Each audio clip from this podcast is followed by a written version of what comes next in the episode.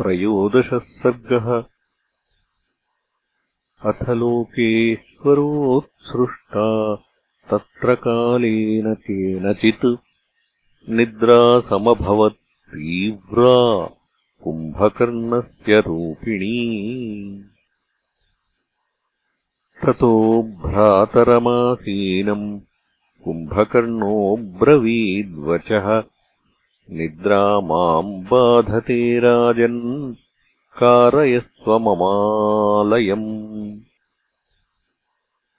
विनियुक्तास्ततो राज्ञा शिल्पिनो विश्वकर्मवत् विस्तीर्णम् योजनम् शुभ्रम् ततो द्विगुणमायतम् दर्शनीयम् निराबाधम् कुम्भकर्णस्य चक्रिरे स्फाटिकैः काञ्चनैः चित्रैः स्तम्भैः सर्वत्र शोभितम् वैडूर्यकृतसोपानम् किङ्किणीजालकम् तथा दान्ततोरणविन्यस्तम् वज्रस्फटिकवेदिकम् मनोहरम् सर्वसुखम् कारयामास राक्षसः। सर्वत्र सुखदम् नित्यम् मेरोः पुण्याङ्गुहामिव। तत्र निद्रासमाविष्टः कुम्भकर्णो महाबलः। बहून्यब्दसहस्राणि शयानो न प्रबुध्यते। निद्राभिभूते तु तदा कुम्भकर्णे दशाननः। देवर्षियक्षगन्धर्वान् सञ्जघ्नेः निरङ्कुशः। उद्यानानि च चित्राणि नन्दनादीनि यानि च तानि गत्वा सुसङ्क्रुद्धो भिनत्ति स्म दशाननः। नदीम् गजैव क्रीडन् वृक्षान् वायुरिव क्षिपन् नगान् वज्रैवोत्सृष्टो विध्वंसयति राक्षसः। तथा वृत्तम् तु विज्ञाय दशग्रीवम् धनेश्वरः कुलानुरूपम् धर्मज्ञो वृत्तम् संस्मृत्य चात्मनः सौभ्रात्रदर्शनार्थम् तु दूतम् वैश्रवणस्तदा लङ्काम् सम्प्रेषयामास दशग्रीवस्य वैहितम् स गत्वा नगरीम् लङ्काम् आससादविभीषणम्। मानितस्तेन धर्मेण पृष्टश्चागमनम् प्रति। पृष्ट्वा च कुशलम् राज्ञो ज्ञातीनाम् च विभीषणः सभायाम् दर्शयामास तमासीनम् दशाननम्। स दृष्ट्वा तत्र राजानम् दीप्यमानम् स्वतेजसा। जयेति वाचा सम्पूज्य तूष्णीम् समभिवर्तत। तम् तत्रोत्तमपर्यङ्के वरास्तरणशोभिते उपविष्टम् दशग्रीवम् दूतो वाक्यमथाब्रवीत्। राजन् वदामि ते सर्वम् भ्राता तव यदब्रवीत्।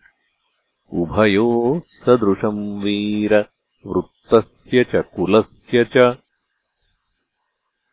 साधुपर्याप्तमेतावत् कृतश्चारित्रसङ्ग्रहः साधुधर्मे व्यवस्थानम् क्रियताम् यदि शक्यते।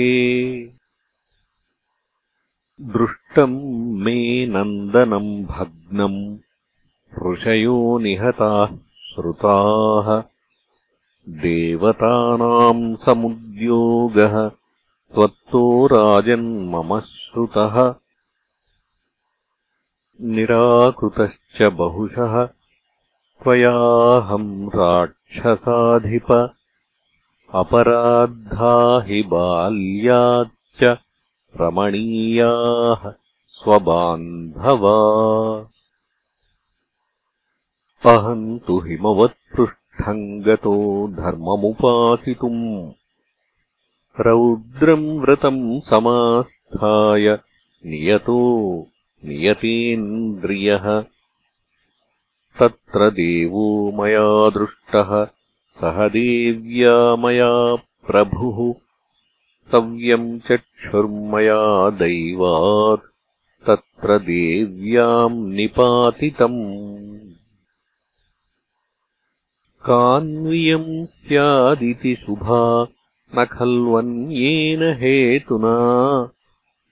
रूपम् ह्यनुपमम् कृत्वा रुद्राणी तत्र तिष्ठति। देव्या दिव्यप्रभावेन दग्धम् सव्यम् ममेक्षणम्। रेणुध्वस्तमिव ज्योतिः पिङ्गळत्वमुपागतम् ततोऽहमन्यद्विस्तीर्णम् गत्वा तस्य गिरेस्तटम् तूष्णीम् वर्षशतान्यष्टौ समाधारम् महाव्रतम् समाप्ते नियमे तस्मिन् तत्र देवो महेश्वरः प्रीतः प्रीतेन मनसा प्राहवाक्यमिदम् प्रभुः।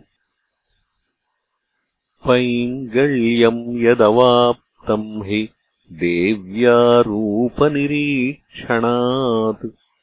प्रीतोऽस्मि तव धर्मज्ञ तपसा तेन सुव्रत।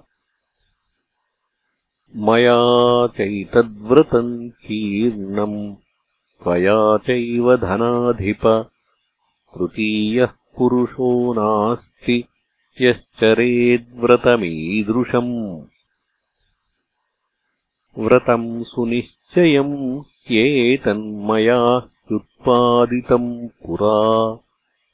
तत्सखित्वम् मया सौम्य रोचयस्वधनेश्वर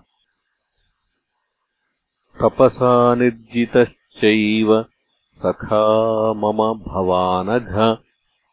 देव्यादग्धम् प्रभावेन यच्च सव्यम् तवेक्षणम्। एकाक्षिपिङ्गळेत्येवम् नामस्थास्यति शाश्वतम्।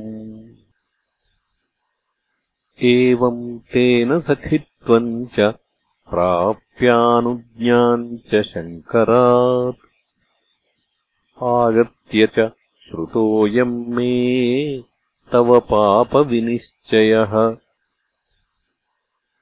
तदधर्मिष्ठसंयोगान्निवर्तकुलदूषणात् चिन्त्यते हि वधोपायः सर्षिसङ्घैः सुरैस्तव। एवमुक्तो दशग्रीवः क्रुद्धः संरक्तलोचनः हस्तौ दन्तांश्च सम्पीड्य वाक्यमेतदुवाचः। विज्ञातम् ते मया दूत वाक्यम् यस्य प्रभाषसे नैतत्त्वमसि नैवासौ भ्रात्रा येनासि चोदितः